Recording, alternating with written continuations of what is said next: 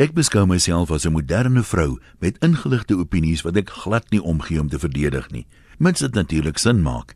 'n Mens antwoord mos nie die dwaas na sy sotheid nie.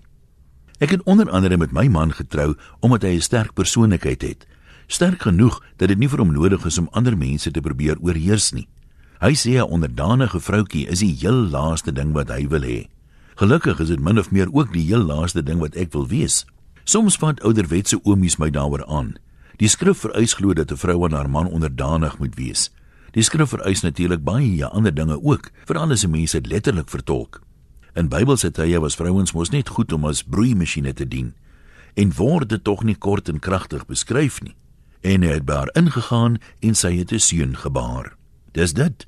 Die dogters is nie eers in die amptelike stamboom opgeteken nie.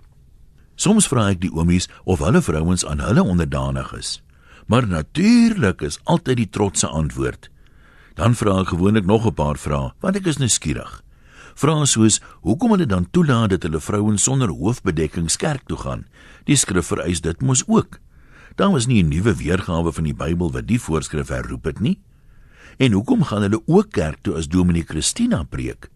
Sê die skrif dan nie die vrouens van die gemeente moet swyg nie?"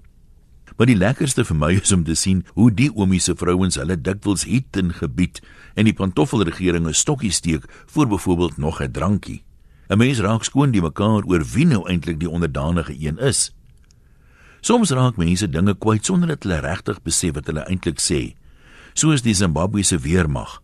Volgens hulle verklaring het hulle ingegryp omdat Robert Mugabe 'n seniele ou man is wat nie meer sy vrou kon beheer nie praat nou van 'n male chauvinistic pig opmerking. Mugabe is lankal 'n seniele ou man, so dit op sigself is nie so groot probleem by 'n president nie. Maar as hy nie meer sy vrou kan beheer nie, dan neem dit krisisafmetings aan wat militêre ingryping verg. Then Bob is not your uncle anymore. Ek wonder hoeveel mans kan regtig hulle vrouens beheer. Is daar ooit meer van hulle as die vrouens wat hulle mans beheer? In elke familie is daar mos 'n storie oor 'n tannie met stywe lippies wat haar man se drankies rantsoeneer, veral as hulle mense het. Wat sal die mense tog sê? Ironies genoeg spot die mense later met die tannie se vasberadenheid om 'n pretbederwer te wees.